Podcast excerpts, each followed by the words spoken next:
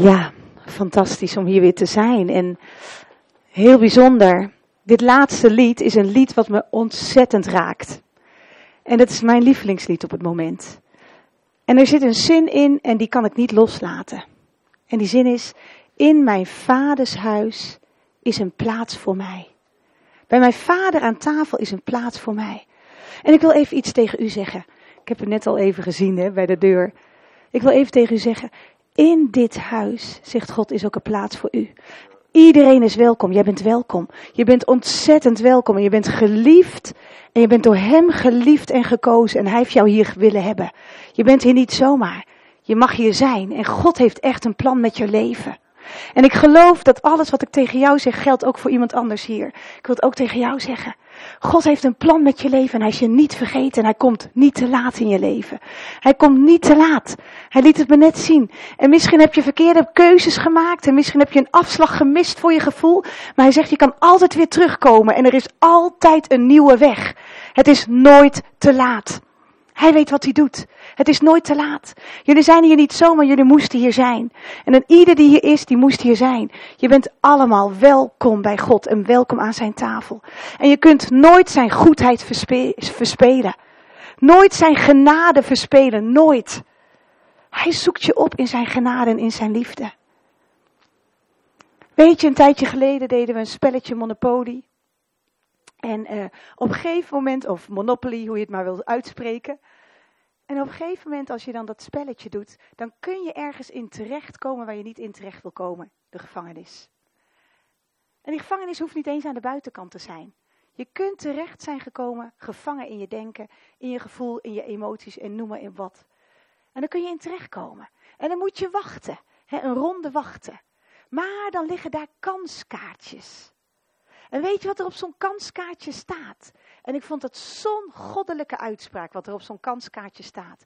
Want als je het kanskaartje pakt en er staat dan op: verlaat de gevangenis zonder betalen. Dat staat er dan. Weet je, dit is precies wat Jezus heeft gedaan met zijn bloed, met zijn offer aan het kruis. Hij zegt: Ik ben voor jou daar naartoe gegaan om jou vrij te kopen uit die gevangenis. Om te zeggen, en jij mag hem verlaten zonder te betalen. Ik heb ervoor betaald. Het heeft me alles gekost, mijn leven, alles. En daarom wil ik je vrijmaken. Vrijmaken van elke gevangenis. Vrijmaken van alles wat je probeert te binden. we hebben het net gezongen, gezongen. Wie de zoon bevrijdt en de dochter bevrijdt, is waarlijk vrij. Vrij van alles. Vrij van aanklacht. Vrij van oordeel. Vrij van het verleden. Vrij van alle keuzes die je hebt gemaakt die niet goed waren. Vrij van alles wat mensen zeggen wie we zijn. Want wat zegt hij? Hij zegt iets heel anders. We hebben het net gezongen. Je bent geroepen, je bent gekozen. je bent wie hij zegt dat je bent. En als ik dan weer terugkeer naar, naar die tekst van In my father's house there's a place for me, eh, of in het Nederlands. In mijn vaders huis there's, daar is een plaats voor mij. Dan moet ik gewoon even simpelweg denken, we hebben drie kinderen. En als we aan tafel zitten als ik aan tafel zit met de kinderen en ik zeg iets tegen één van die kinderen. Bijvoorbeeld, ik zeg tegen het ene kind: Wat zie jij er mooi uit? Weet je wat dat doet bij die andere kinderen? Dan zeggen ze gelijk: Oh, dus ik niet. Herken je dat? Weet je dat het ook zo is in Gods gezin? Dat we heel vaak denken: Oh ja, jij wel, dus ik niet. Maar dat zeg ik helemaal niet. Ik bevestig één iemand en de rest denkt gelijk: Oh, dus ik niet. Maar dat is niet wat ik zeg. Ik zeg, jij ziet er mooi uit vandaag. En tegen een ander zeg ik weer iets anders die dag. maar zo vaak luisteren we zo select. En is het een soort verdienen en een soort vergelijken en een soort striven en een soort uh, winnen of iets uh, concurreren? Terwijl God zegt, nee, er is voor iedereen een plekje aan de tafel. En je mag allemaal gaan zitten op je eigen plekje. En verlang niet langer naar die plek van een ander. Want dan zit je op een plek waar je niet hoort te zitten en dit is heel kostbaar, heel belangrijk als we dit gaan verstaan als christen met elkaar. Want anders kom je te zitten op een plek die niet voor jou bedoeld is. En ik geloof echt dat God aan tafel heeft, een plekje heeft voor iedereen en dat hij een, een naamkaartje heeft voor iedereen en dat hij je mist als je daar niet zit. Dan mist hij jou. Hij verlangt naar jou en hij mist je als je er niet bent. En daarom is het zo belangrijk ook dat hij ons uitnodigt allemaal. Ongeacht, ongeacht Je bent kostbaar voor Hem. Dat kanskaartje is genade en we gaan het straks vieren met het avondmaal. Die genade, dat Hij zegt, je mag allemaal aan mijn tafel komen als je erkent dat ik Jezus de Heer ben. Als je erkent dat ik jouw vader ben, dat ik jouw gastheer ben, dan mag je aan mijn tafel komen. En dan wil ik je er iets nieuws voor teruggeven. Dan wil ik dat je komt ruilen. Dit is een ruiltafel. Eigenlijk een soort ruilhandel. Weet je wat ruilhandel betekent? Ik ben een boerendochter, dus ik leer nog wel eens wat wijsheden. Vroeger had je ruilen, hè? handje klappen en ruilen. Ruilen betekent handel drijven met dichte beurs. Mooi hè? En weet je wat dat betekent? Eigenlijk dat als Jezus hier de gastheer van is, dat hij zegt, ik wil ruilen, handel drijven met jou, met een dichte beurs, want ik heb al betaald. Dus jij mag gewoon komen nemen en komen ontvangen. Want ik heb al betaald voor alles. Voor jouw zonden heb ik betaald. Voor jouw wonden heb ik betaald. Voor jouw tekortkomingen heb ik betaald. Ik heb betaald voor alles. Alles. En hij zegt, als jij jouw dingetje hier achterlaat, als jij alles hier achterlaat, dan neem je iets weer mee terug in jouw leven, wat ik voor jou heb bedoeld. Dat is genade. Niet omdat je het hoeft te verdienen, niet omdat je er hard voor hoeft te werken, niet omdat je het hoeft te kopen, gratis en voor niets. Maar het was, het offer is gratis, maar het was voor hem niet goedkoop. Het heeft hem alles gekost. En ik denk dat we daar straks ook heel mooi bij stil kunnen staan. Het heeft hem alles gekost. Alles, zelfs zijn leven. Maar hij heeft het gedaan uit liefde voor jou. Omdat hij jou wil vrijmaken. Jou wil vrijkopen. En misschien denk je, ik ben al zo lang met de Heer, ik ben al zo vrij. Maar er kunnen nog terreinen in je leven zijn waar je nog niet vrij bent. Je kunt misschien nog niet vrij zijn van angst. Of angst voor wat er kan gebeuren. Angst voor tekorten. Angst voor mensen. Kan. En God zegt, ook daarvan wil ik je vrijzetten. Misschien angst dat de ziekte terug gaat komen. Misschien angst dat, noem maar op. Ook daarvan wil hij je vrijzetten. Hij wil zelfs herstel brengen aan verbroken verbindingen. Ik geloof echt dat we in een tijd leven dat God zegt, ik wil alle verbroken verbindingen wil ik weer gaan herstellen.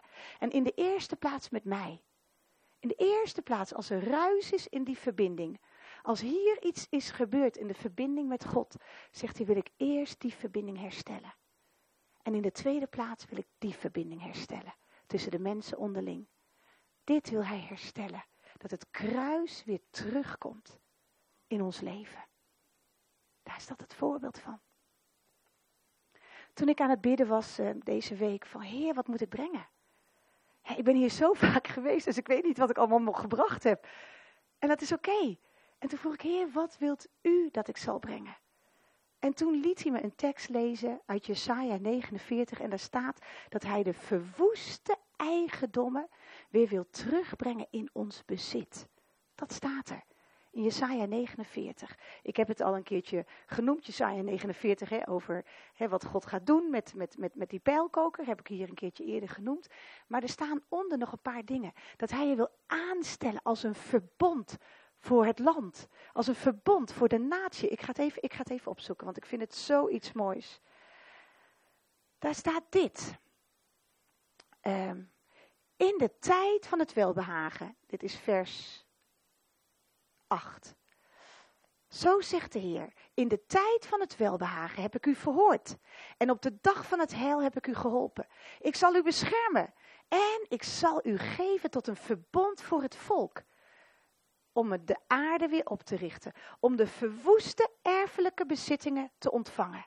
En dan komt het mooie stukje, de opdracht van je calling. Om te zeggen tegen de gevangenen, ga uit. En tegen hen die in duisternis verkeren, kom tevoorschijn. Op de wegen zullen zij weiden, op alle kale hoogten zullen ze hun weidegronden hebben. Zij zullen geen honger hebben of dorst lijden. Hitte en zon zullen hen niet steken, want hun ontfermen zal hen leiden. Hij zal hen zachtjes leiden naar waterbronnen. Ik zal al mijn bergen tot een weg maken. Mijn gebaande wegen zullen verhoogd worden.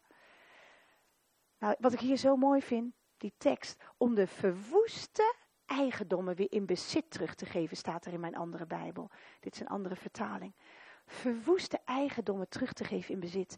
En ik wil daar gewoon bij stilstaan. Want eigendommen, denken we vaak, die zijn toch al in je bezit. En hier zit een les in, en misschien heb ik hem eerder genoemd, maar ik voel dat ik hem in een, in een tijd als deze opnieuw moet zeggen. Weet je, we hebben één heel slim kind. De andere, drie zijn, de andere twee zijn ook slim. Maar één die echt gewoon graag een goede advocaat wil worden. Dus hij studeert voor advocaat. En ik leer heel veel van hem. Dus hij zat laatste keer bij me aan tafel. En hij zei dit tegen mij. Mam, weet jij eigenlijk wel dat er verschil bestaat tussen eigendom en bezit? Heb ik dat hier een keer verteld? Nee. Oh, fijn. Weet je eigenlijk wel dat, eigen, dat er verschil bestaat tussen eigendom en bezit? Ik zei, nee, leer mij. En toen zei hij, stel je voor, mam, dat je hard hebt gewerkt. Hè, en je hebt iets verdiend. Je hebt een mooie fiets van je geld gekocht. Dan is die fiets jouw eigendom en hij is in je bezit. En je hebt de aankoopbewijs daarvan, je kassabon. Dus je hebt hem je toegeëigend. Hij is van jou. Die fiets is van jou. Maar stel je voor dat je die fiets, dat je daar gewoon slordig mee omgaat. Je mooie glimmende nieuwe fiets laat je s'avonds buiten staan onder de lantaarnpaal. Nou, wanneer komt de dief altijd? Wat is zijn favoriete moment om te komen? Als we liggen te slapen, toch?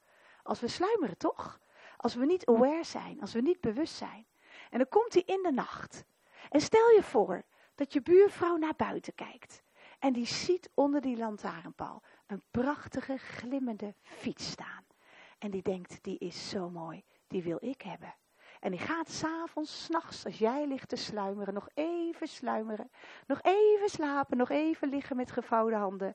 En dan komt de armoede over je, staat er, hè? als een snelle loper. En dan loopt ze naar je fiets en ze pakt jouw fiets.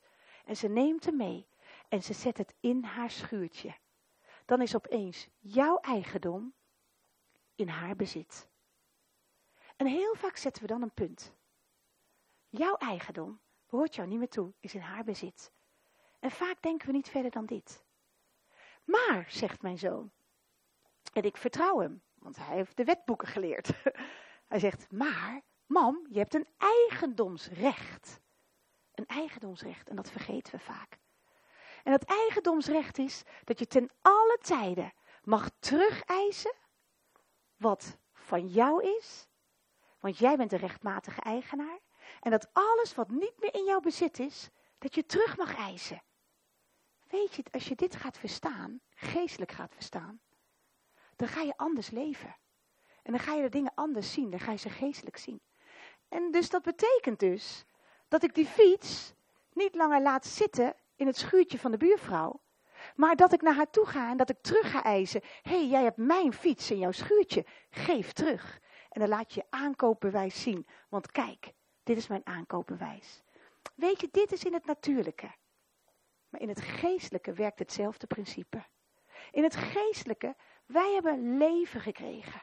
Maar heel veel mensen leven niet in overvloed. we leven niet in overvloed. Omdat de vijand roof aan het plegen is. Wanneer? Als we even niet bewust zijn. En dan probeert hij te roven en te stelen en heeft maar een klein gaatje nodig. Een heel klein gaatje in onze beschermingsmuur om binnen te komen en iets te roven, iets af te nemen. Misschien je vreugde roven, je gezondheid roven, hè, je bezittingen roven. Noem maar op. En weet je, heel veel van deze dingen, heel veel buit, ligt in het schuurtje, niet van de buurvrouw, maar van de vijand. En omdat we niet bewust zijn dat we een eigendomsrecht hebben, laten we het daar liggen. Daar zijn we ons niet van bewust. Terwijl God zegt, jullie hebben het mooiste eigendomsrecht. Verlaat de gevangenis zonder te betalen. Want het eigendomsrecht is het offer van Jezus. En hij zegt, door mijn offer heb ik, heb ik je gekocht, heb ik je betaald. En heb ik ook betaald voor al die dingen. En sta niet langer toe dat hier bezittingen, dat hier spullen, dat hier gezondheid, dat hier vreugde, dat hier relaties, dat, dat alles geroofd is en ligt in het vijand, in het schuurtje van de vijand. En je bent er niet eens van bewust. En God zegt, pak terug. Pak terug. Want ik geef jou het aankoopsbewijs. Ik geef jou de kassabon, dat hij het heeft volbracht. Ik geef jou het woord van God. En daarmee mag je de buit terugpakken. Maar weet je, God wil met ons samenwerken. Hij kan het doen. Maar hij wil ons gebruiken. En dat vind ik zo mooi. Terwijl ik hiervoor aan het bidden was, moest ik denken aan Jozua. Weet je, God kiest mensen uit. Hij kiest jou, hij kiest mij, hij kiest een ieder die hier zit uit. Om weer eigendommen die niet meer in je bezit zijn, om ze terug te nemen. Om te zeggen, nee, ik accepteer niet langer dat mijn kinderen niet meer in God geloven. Ik accepteer het niet. Ik neem terug, want uw beloftes, ik accepteer niet dat mijn belofte daar ligt. Ik neem ze terug. Ik neem alles terug wat u mij hebt toebedacht en wat u mij hebt toebedeeld. Ik neem het terug. Maar weet je hoe we dat doen? Hoe doen we dat nou? Dat vragen mensen vaak. Hoe doen we dat nou? Ja, daar hebben we het Gods woord voor. Jozua 1. Wat staat er? Jozua krijgt een opdracht van God. God zegt tegen hem, Jozua, zie je het volk, ach zie je het land Canaan? Zie je dat? Dat, die eigendommen, dat beloofde land, mag jij in bezit gaan nemen. Dat zegt hij letterlijk. Hij zegt zelfs, weet je hoe je dat mag doen, Jozua? Door je voet erop te zetten in de geestelijke wereld uit te stappen, een geloofstap te nemen.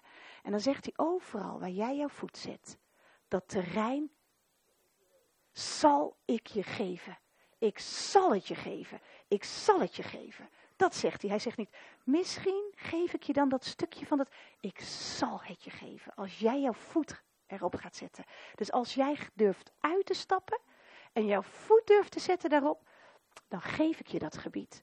Als je dit hoort, van, van um, dan dat volk, of um, nee, dat land, dat heeft God in belofte al toevertrouwd aan hem. Maar, zegt hij erbij, jij moet het zelf nog innemen. En hier vaak staat een, een verwarring over, want we denken, dan doet God dat wel voor mij. Hè? Hij doet het wel, maar hij zegt, nee, ik heb jou nodig. En daarom zegt hij tegen Jozua, wees sterk en wees moedig. Hij zegt het aan het begin, hij zegt het halverwege nog een keer en nog een keer om hem daarin te bevestigen. Want je zult te maken krijgen met reuzen. En je zult te maken krijgen met, met iets wat je terug probeert te dringen uit dat land. Maar geef niet op, want je bent goed op weg. En geef niet op, want elk grondgebied waar jij je voet op zet, dat geef ik jou. In Psalm 105 is het geloof ik, daar staat, u zal ik het land Canaan geven, als het u toegemeten erfdeel. Dus God heeft gezegd, ik heb erfdelen gegeven. Maar wij mogen het in bezit nemen. En wij mogen dat doen vanuit diezelfde geest als Caleb en Jozua. Weet je wat Jozua zei aan het einde van zijn leven? Er is nog zeer veel land over om in bezit te nemen. Met andere woorden, zij mochten de vijanden uit dat land verdringen. Zij mochten ze terugdringen, de vijand. Buiten de poorten, buiten de grenzen. Zij mochten dat terugdringen. En dan komen ze even, simpelweg, komen ze eerst bij de Jordaan. Bij die scheids, de scheidsrivier tussen oud en nieuw. dan komen ze dus in die belofte, in dat land. En dan moeten ze eerst nog door de Jordaan heen. En dat vind ik zo mooi, want dan geeft, geeft God Jozua instructies. Dan zegt hij dit, Jozua maak je klaar. Maak je klaar om het hele land in bezit te gaan nemen. Maak je klaar. Maak je klaar om door die rivier heen te trekken. En dan geeft hij de levieten een opdracht. Dan zegt hij simpelweg dit. Zet eerst je voet in die kolkende rivier en dan komt er een pad. En wij willen het graag net andersom. Eerst dat pad zien en dan mijn voet zetten. Maar dit is een stap in geloof. Dus in geloof zet je een voet in die situatie die nog niks veranderd is. En dan komt God. En hij verleent zijn kracht eraan. Zie je, hij wil dat we in beweging komen. Het is niet langer de tijd van stil maar wacht, maar alles wordt nieuw. Het is niet langer de tijd. Het is de tijd van nee, zet maar een stap in geloof. En laten we niet langer stil maar wacht maar zijn, want dat doen we al veel te lang. En ik geloof dat we als we in eenheid gaan optrekken, als we in eenheid dit gaan doen, dat God ons terreinen gaat teruggeven die nog in de macht zitten van een andere vijand. Die zegt nee, ik dring jou terug uit dat terrein. Nee, God zegt, ik zal in geloof, zal ik mijn voet hier op dit gebied gaan zetten. Want hij wil het terugpakken en verwoeste eigendommen weer teruggeven in het bezit van jullie. Van de kerk, van de gemeente, van families, van vaders, van moeders, van zonen, van dochters. Hij wil het teruggeven. En wij haken vaak af, vlak voordat we er zijn. ze hebben eerst de Jordaan meegemaakt. En even later krijgen ze met een bolwerk te maken. De Jordaan was nog maar het begin. Als je dat kan, daardoorheen kan, nou, dan kan je ook dat bolwerk van religie innemen. Dan kan je ook die stevige vesting innemen. Dan kan je ook Jericho innemen. Maar daar gelden weer andere instructies voor. Voor elk terrein wat ze innemen gelden instructies. en we mogen heel veel tijd met hem doorbrengen en hem zoeken daarin. God, wat zijn de instructies? Toen ik de afgelopen weken hiervoor aan het bidden was, zei Heer, wat zijn uw instructies? Wat wilt u persoonlijk zeggen? Toen zei hij dit tegen mij. Een Engelse tekst. Hij zei, stand your ground. Met andere woorden, blijf staan op dat terrein wat ik je heb gegeven. Stand your ground. Sta op de grond die ik je heb gegeven. En toen zei hij erachteraan, en own your ground. Dus neem hem ook in eigendom, in bezit, die grond. In de volle breedte en lengte en alles. Neem in bezit wat God je heeft toevertrouwd. En leef niet langer alsof het niet jouw bezit is, maar pak het terug. Pak het terug. He? Zeg tegen die, die gevangenen, kom terug, kom uit die gevangenis. En zeg tegen de mensen die in het donker zijn, kom in het licht, want God wilde er iets mee doen. Weet je, God heeft ons allemaal nodig. Hij heeft ons allemaal nodig. Hij heeft ons allemaal nodig om die ene te bereiken. Om die ene te kunnen bereiken. Vorige week was ik ergens, moest ik spreken een week. En ik was ergens in een hele andere stad, een andere plaats. En ik ging eventjes dat stadje in. En ik liep daar zo en ik dacht zo aan deze woorden. Stand your ground and own your ground. Daar was ik zo mee bezig dat ik dacht, Heer, ja, ik heb mijn gebed de laatste tijd veranderd. Ik bad eigenlijk best egoïstisch. Ik bad heel vaak van, Heer, zegen mij. Zegen mij, zegen mijn gezin, zegen mijn kinderen, zegen dit, zegen dat, zegen mijn familie, zegen mijn vrienden, zegen dit. En, en toen zei de Heer, draai je gebed eens om. En toen ben ik niet langer gaan bidden, zegen mij, zegen mij, maar maak mij tot een zegen. daar heb ik het vorige keer ook over gehad. Maak mij tot een zegen. Heer, dat waar ik kom, dat u meekomt. Dat u binnengaat. Waar wilt u naartoe? Ik ga met u mee. U hebt geen andere voeten dan de mijne. Hij zei tegen Jozua, overal waar jij je voet plaatst, waar je je voedsel plaatst. Hij zei niet overal waar tegen je spreekt, of overal waar je je hand legt. Maar hij zei overal waar je je voet plaatst. Dat terrein geef ik je. Hij komt binnen waar je je voet plaatst. Daar komt hij binnen. En je moet anders gaan denken. We moeten anders gaan denken. We moeten niet langer denken, oh, arme zielige ik, ik kom binnen. En nee, we moeten denken, wacht even, God heeft me hier gebracht. Wacht, dan heeft hij daar een bedoeling mee. Hij heeft me op mijn werk gebracht, in mijn familie gebracht, op mijn terrein gebracht. Wacht even, dan zal ik verandering maken omdat hij in mij is. En hij is sterker dan die in de wereld om mij heen is. En ik laat me hier niet uit wegduwen of uit wegpesten. Als u me hier hebt gebracht, dan heeft u me hier een terrein gegeven. En dan zal ik het terrein in de volle lengte en de volle breedte en het volle bezit nemen. En dat is wat hij ook bij jullie wil doen. Dat wil hij tegen je spreken. Hè? Neem het in bezit. Een Amerikaanse profetes zei laatst tegen mij: Esther, je moet stoppen met te zeggen: Why me? En dat is een hele onzekere vraag. Waarom ik? Waarom stuurt u mij? Waarom heb ik hiermee te maken? Waarom ik? Ze zei: Vanaf nu ga je het omdraaien. Niet langer why me, maar why not me? En weet je, dat is een verschil van houding. Want dan denk je: Waarom ik niet?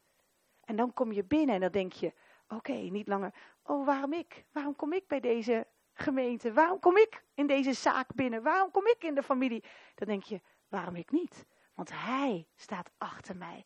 En hij komt met mij binnen.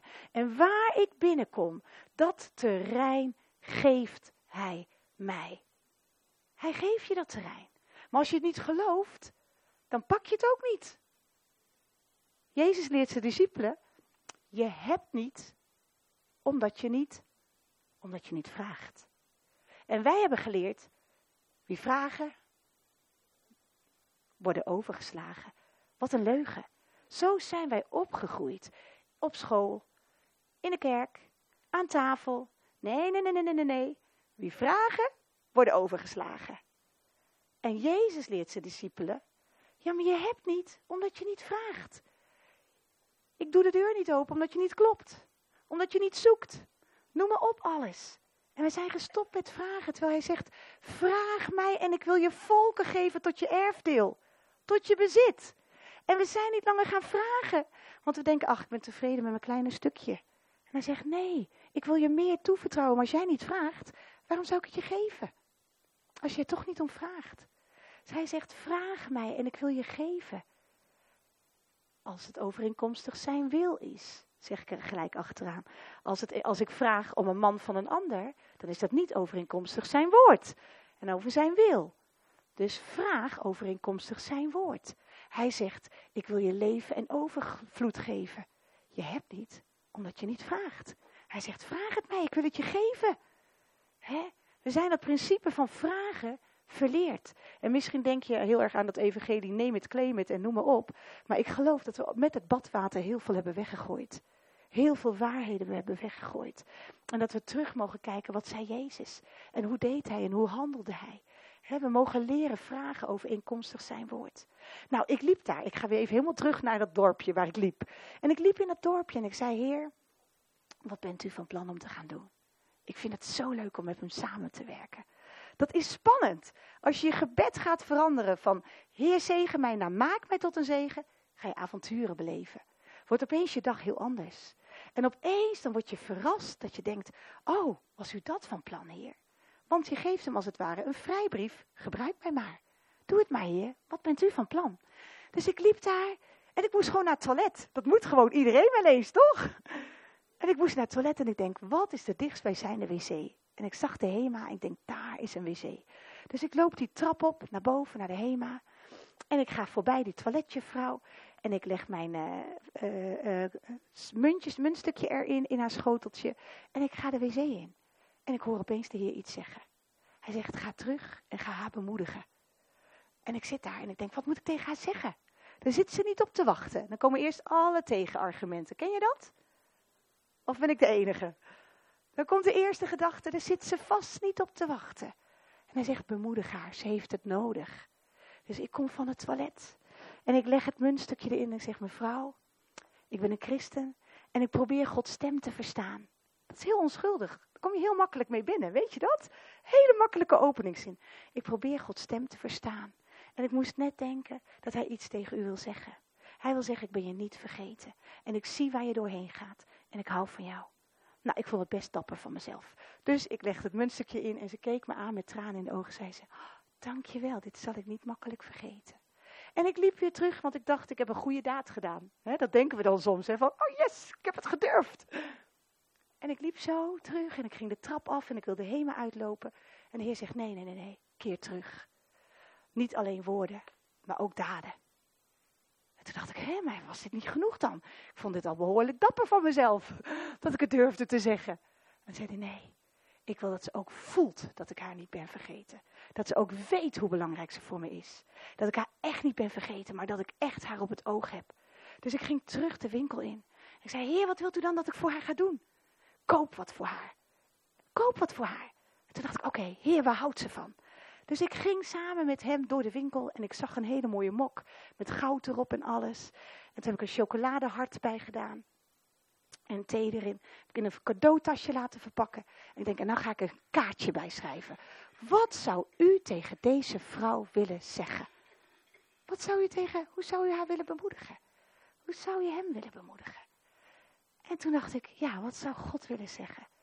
Toen zei ik, Heer, wilt u me iets laten zien wat in haar hart is, waar ik geen weet van heb, maar wat u wel weet? En toen liet hij me iets zien. Toen zag ik het woord scheiding. Toen dacht ik, oh, ze zit in een scheiding. Dus ik zei, ik schreef op wat ik dacht wat zij nodig had. Dat, dat, dat God een luisterende God was. Dat ze altijd bij hem terecht kon. Dat hij onvoorwaardelijk van haar houdt. En nooit, hè, nooit de deur zou dicht doen voor haar. En dat hij haar een warm gevoel wilde geven, ook vanavond als ze alleen is thuis. En ik schreef het allemaal op, namens hem een dikke knuffel.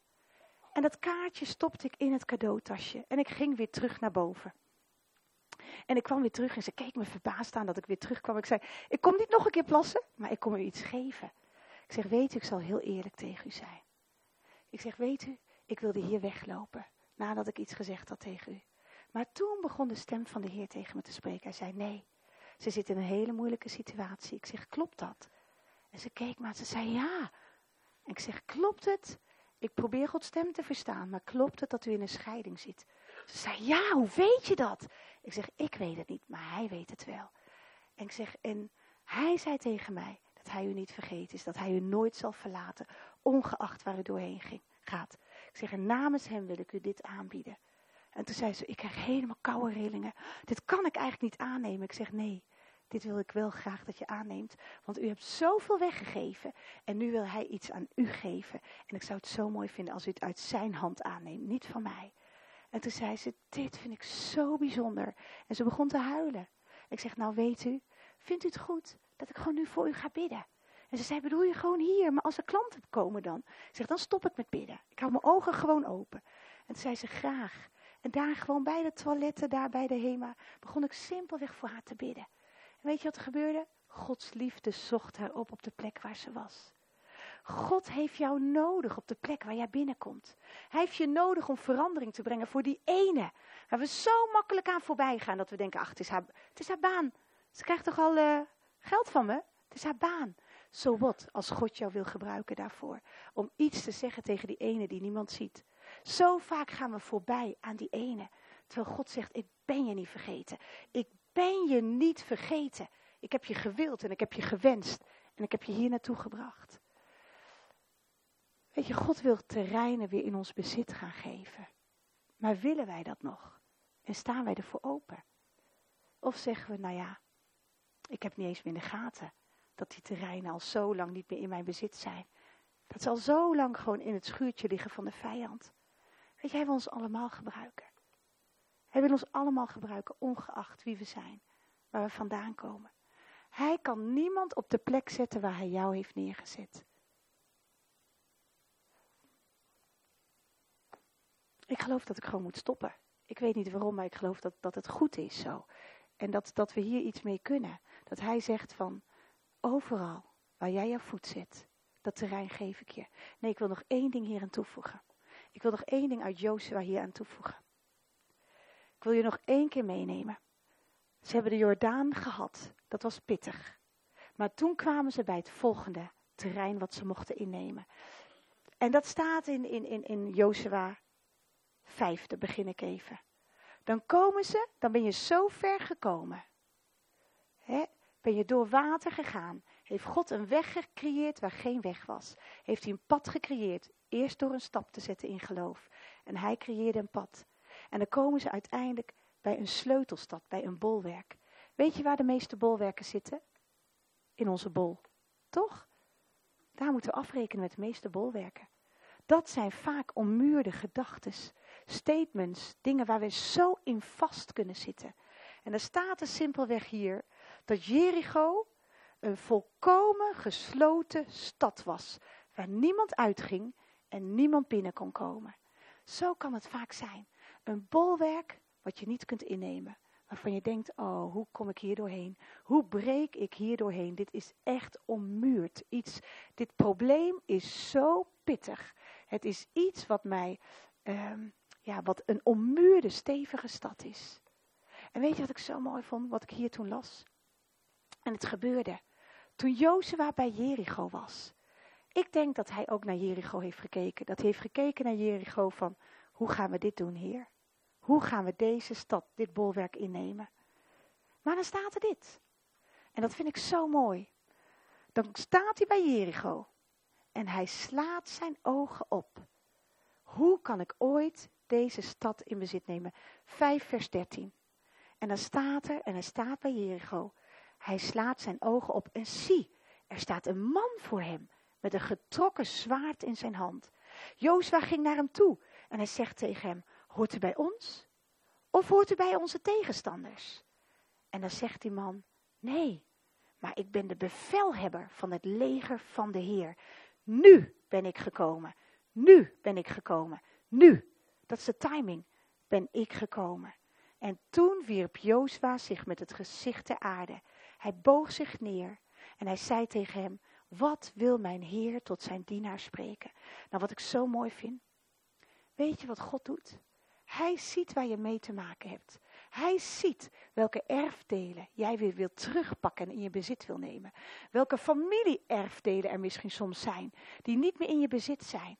En hij weet hoe pittiger de strijd wordt, hoe groter de engelen zijn die hij stuurt. Hij weet als je te maken krijgt niet meer met een kleine jongen, maar met een sterke, ommuurde stad, dat hij een aanvoerder moet sturen. En hij stuurt hier een aanvoerder die hier staat met zijn zwaard om met de sterke af te rekenen. Hij weet wat hij doet. En hij stuurt de sterke voorop.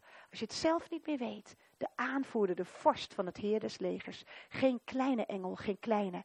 En dan zegt hij dit. Vind ik heel mooi. Hij zegt, wat wil de heer tot zijn dienaar spreken?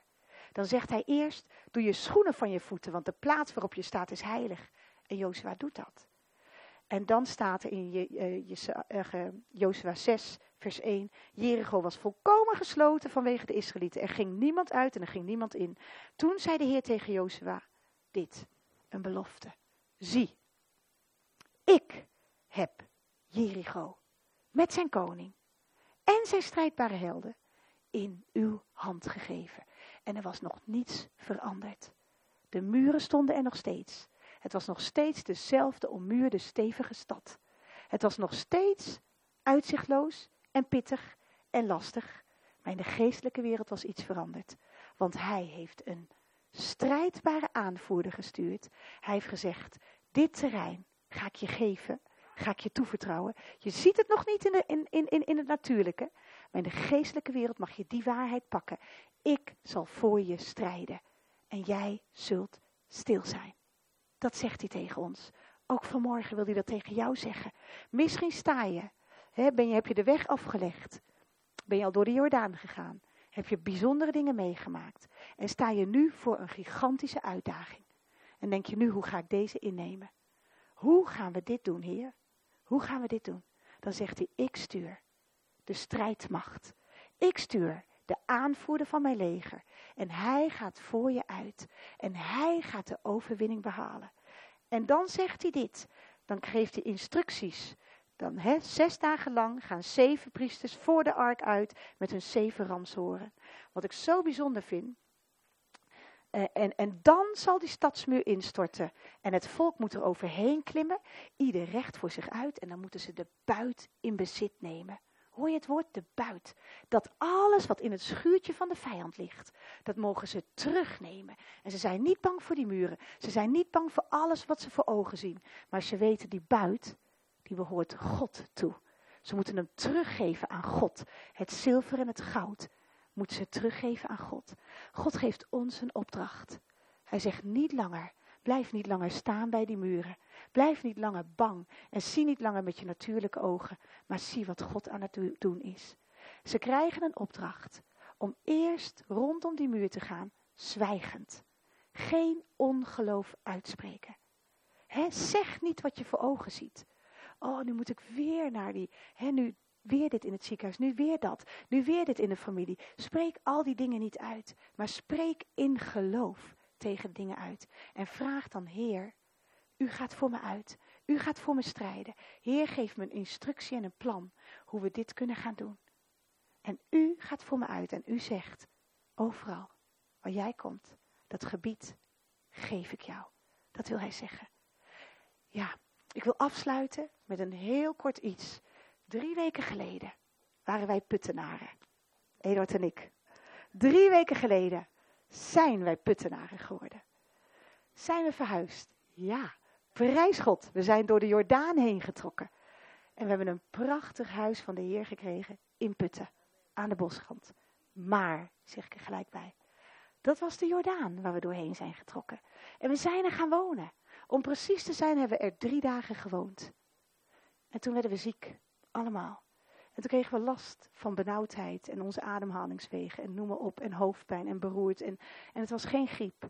En Eerst dachten we nog van, oh misschien heeft het te maken, hè, ik ben uh, gevoeliger voor allergieën of andere dingen. Nee, ik ben daar niet gevoelig voor. Ik ben absoluut niet gevoelig voor allergieën. Maar het sloeg mij op mijn stem en alles. Toen dacht ik eerst, oh misschien kan ik ergens niet tegen. Maar toen de kinderen en Eduard er ook last van begon te krijgen en ook geen ademhaling meer, of ook geen adem meer kon halen, dachten we, wacht even, hier is wat anders aan de hand.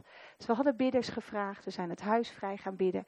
Prachtig, God had er echt doorheen dingen gedaan. We hebben het terrein gepakt in het natuurlijke en in het geestelijke. Maar er gebeurde in het geestelijke klimaat, gebeurde iets dat we echt buiten die muren werden geduwd. En toen hebben we op een gegeven moment zeiden we, laten we ook gewoon met wijsheid handelen. En een milieudeskundige vragen om te kijken hoe de stand is in het huis. En die man kwam en die heeft na drie dagen heeft hij alles opgemeten en een rapport gemaakt. En hij zei, dit is geen goede plek voor jullie om te zijn. Want uh, er, zijn er is een te hoge luchtvochtigheid en te veel schimmels. Dat doet de schimmelgroei toenemen. Het slaat op jullie gezondheid. Dus met andere woorden, je kan beter dit huis verlaten. Drie dagen hebben we er gewoond. Drie dagen puttenaren. En ik weet, ik weet in de geestelijke wereld dat we een terrein hadden gekregen van de Heer. Maar dat we er weer uit teruggeduwd zijn. En dat dit een ommuurde stad kan lijken. dat je het gevoel hebt, we zijn diezelfde avond zijn we teruggegaan. We hebben onze koffertjes gepakt, onze, onze spullen gepakt, terwijl we het hele huis klaar hadden gemaakt. Alles gesausd hadden, mooi hadden gemaakt. De meubelen, alles. De kinderen zeiden, we hebben weer een thuis. En toen moest het huis verlaten. Dus we zitten nu weer op onze oude plek in een leeg huis. Gelukkig had onze zoon, is drummer, en die had allemaal matrasjes om zijn uh, drumstel heen gezet. En die matrasjes die hadden we s'avonds gelukkig terug kunnen vinden. Die hebben we van zolder gehaald en daar zijn we gaan liggen. En toen zeiden we, oké, iets wil ons niet binnen putten hebben. Iets wil ons niet in deze regio hebben. Maar, mijn God zal voor ons strijden. En hij zal terugkeren. We zitten nu nog in die tussenfase van Heer, wat bent u van plan aan te doen? Soms gaat het niet zonder slag of stoot. Hè? Ik, ik vertel dit niet om medelijden te wekken, maar om jullie te laten zien hoe reëel het is. In het natuurlijke en in het geestelijke. En ook dat niet mijn leven een successtory is, was het maar waar. Maar ook deze kant, want die kant is er ook. De kant van zoeken, de kant van, van, van smeken, de kant van bidden, van kloppen, van vragen noem maar op. En dan krijg je het. En dan kan het lijken alsof de belofte opeens aan je neus voorbij gaat. En door de teleurstelling heen kun je dan denken, heer, nou begrijp ik het even niet meer. Dat ik echt zei, heer, ik voel me net Abraham. Nomaden, voel ons net, hè, dan... En dan zei hij, maar ligt niet het hele land voor je open, net als Abraham? En Abraham vertrouwde God. Hij zei, ongeacht waar u ons heen leidt, daar zullen we gaan. En ik geloof dat God weer een plek terug gaat geven. En misschien juist wel weer in putten. Hè? Hij gaat het weer doen. Maar dat betekent wel dat we soms gewoon weer terreinen moeten terugpakken in de geestelijke wereld en zeggen: wat dringt ons terug uit dit territorium? Wat dringt ons terug uit dit huis, uit deze plaats, uit dit? En wat wilt u doen? Heer, maak ons sterk en moedig en ik, volgende keer als ik hier terugkom, heb ik een heel mooi verhaal. Want dan heeft God dit allemaal gedaan. Dan hebben we Jericho ingenomen. dan hebben we de buit gepakt en teruggepakt. Maar ik neem jullie mee in dit verhaal om te laten zien. Het gaat allemaal niet zoals wij het vaak willen. Maar geef niet op. En dat wil ik zeggen te midden van al je omstandigheden. Geef niet op en denk niet dat dit het einde is. Dit is een komma. En nu gaat er een nieuwe zin geschreven worden. En nu gaat God zeggen: Ja, maar wacht. Ik ben nog steeds on the lead en aan de spits. En ik wil het muziekteam terug uitnodigen om weer plaats te nemen. En eh, voordat ik het overgeef aan Kees voor het avondmaal, wil ik gewoon wat aan jullie zelf vragen. Aan een ieder die hier zit. Ik wil gewoon even aan je vragen of je even je ogen zou willen sluiten. Of je even gewoon je ogen zou willen sluiten en je oren zou willen openen.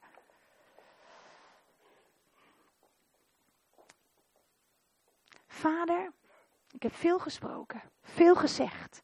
Maar ik bid dat uw woord, dat wat u persoonlijk tegen ons hebt willen zeggen, Heer, dat u dat gaat verankeren in onze geest, in onze ziel en in ons lichaam.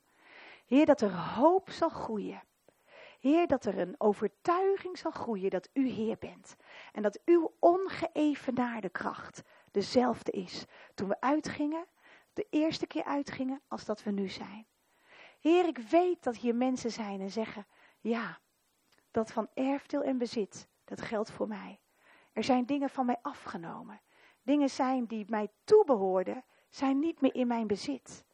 En ik weet niet op welk gebied, maar God weet het wel en hij gaat het je aanwijzen. Misschien is het op het gebied van je gezondheid. Dat je merkt, er is roof geweest. En ik ben gewoon iets kwijtgeraakt in mijn gezondheid. Ik merk gewoon dat mijn, dat mijn als het ware, iets gewoon is afgenomen, onrechtmatig. Dat er iets is afgenomen van mijn lichaam, of van je ziel, of van je geest. En dat God vandaag zegt, straks als we avondmaal vieren, pak het terug, want ik geef je een eigendomsrecht om terug te nemen alles wat niet meer in je bezit is. Misschien zit je hier en zeg je, ja, er is een verbinding, een verbroken verbinding gekomen. De relatie met God, die is verstoord geraakt. Ja, niet van, van God naar jou, maar van mij naar God. Ik ben teleurgesteld geraakt. Kijk, er is mij pijn aangedaan door medechristenen. Ze hebben me niet begrepen. En God, waar bent u geweest? Waarom overkomt me dit? En waarom? En noem maar op al die vragen. En hij zegt, ik wil dat je die vragen vandaag aan mij geeft. En dat je niet langer blijft hangen in je teleurstellingen en in je oude pijn. Maar dat je vandaag een keuze maakt. Ik kies ervoor om uit die pijn te stappen. En ik kies ervoor om opnieuw een stap te doen naar u toe en mijn eigendommen weer terug te nemen in mijn bezit. En ik weet dat hier mensen zitten en zeggen: Ja, mijn vreugde is me afgeroofd. Ja, ik heb last van depressie. Ik heb last van zwaarmoedigheid, van uitzichtloosheid. Ik weet niet hoe het verder moet. En ik weet niet, ik ben het gewoon kwijtgeraakt. Gewoon mijn uitzicht ben ik kwijtgeraakt. En ik zie voor mijn gevoel alleen maar donkerheid. En ik weet niet wat de volgende stap zal zijn. En ook daarvoor is hij gekomen dat hij zegt, en pak het terug. Pak de buit terug uit het schuurtje van de vijand, want het behoort jou toe. Geestelijk, qua ziel en qua lichaam. Een totale gezondheid wil hij je geven. Heer, op dit moment bid ik. Heer, ik bid op dit moment dat u ons duidelijk maakt op welk gebied liggen er nog terreinen. Niet zijn niet, niet de terreinen in onze handen, maar liggen ze nog in het schuurtje van de vijand.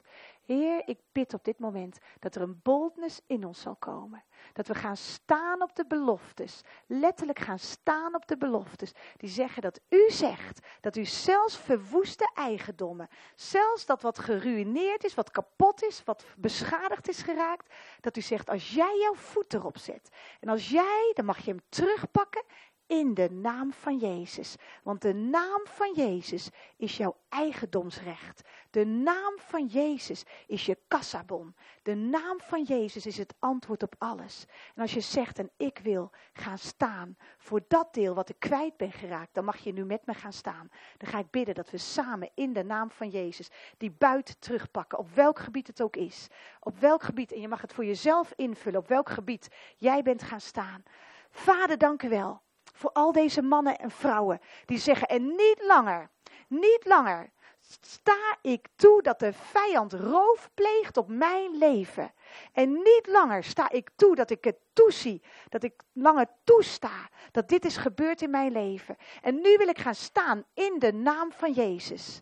En zeg mij maar na, in de naam van Jezus, in de naam van Jezus eis ik de buit terug, eis ik de buit terug uit de hand van de vijand. En ik zeg niet langer, zal mijn buit in jouw bezit zijn. Niet langer zal mijn eigendom, niet langer zal mijn eigendom in jouw bezit zijn, vijand. Ik eis het terug in de naam van Jezus. En ik dank u voor uw bloed. Ik dank u voor uw overwinning aan het kruis. Ik dank u dat u hebt gezegd: verlaat de gevangenis zonder te betalen. Want ik heb betaald met mijn bloed. Voor alles wat jou toebehoort. Voor alles wat mij toebehoort mij en mijn gezin, mijn kinderen en mijn kindskinderen. En ik pak het gebied terug in de naam van Jezus. Amen. En dank u wel, Vader, dat we straks met het avondmaal heel bewust als ware naar u toe mogen gaan en dat we mogen zeggen: we pakken alles wat ons deel zal zijn, nemen we terug uit uw hand. Heer, niet zelfstandig, maar uit uw hand. Want als u voor ons strijdt, dan mogen wij berusten in dat u de strijd hebt gedragen. En dan mogen wij terugnemen in geloof wat u voor ons hebt voorbereid. En ik zegen een ieder. Ik bid voor good reports. Ik bid voor getuigenissen. Dat we terugpakken. Dat we het niet alleen vandaag doen. Maar dat we vanaf morgen gaan anders gaan denken. Dat we denken, wacht eens even. Nee, dit behoort God toe. En alles behoort God toe. En het is ondergeschikt aan u, Heer. En zo plaatsen we alles onder de naam van Jezus. Plaatsen we onze gebieden, onze terreinen, onze gezondheid, onze geest, ziel en lichaam plaatsen we onder de naam van Jezus. In Jezus' naam. Amen.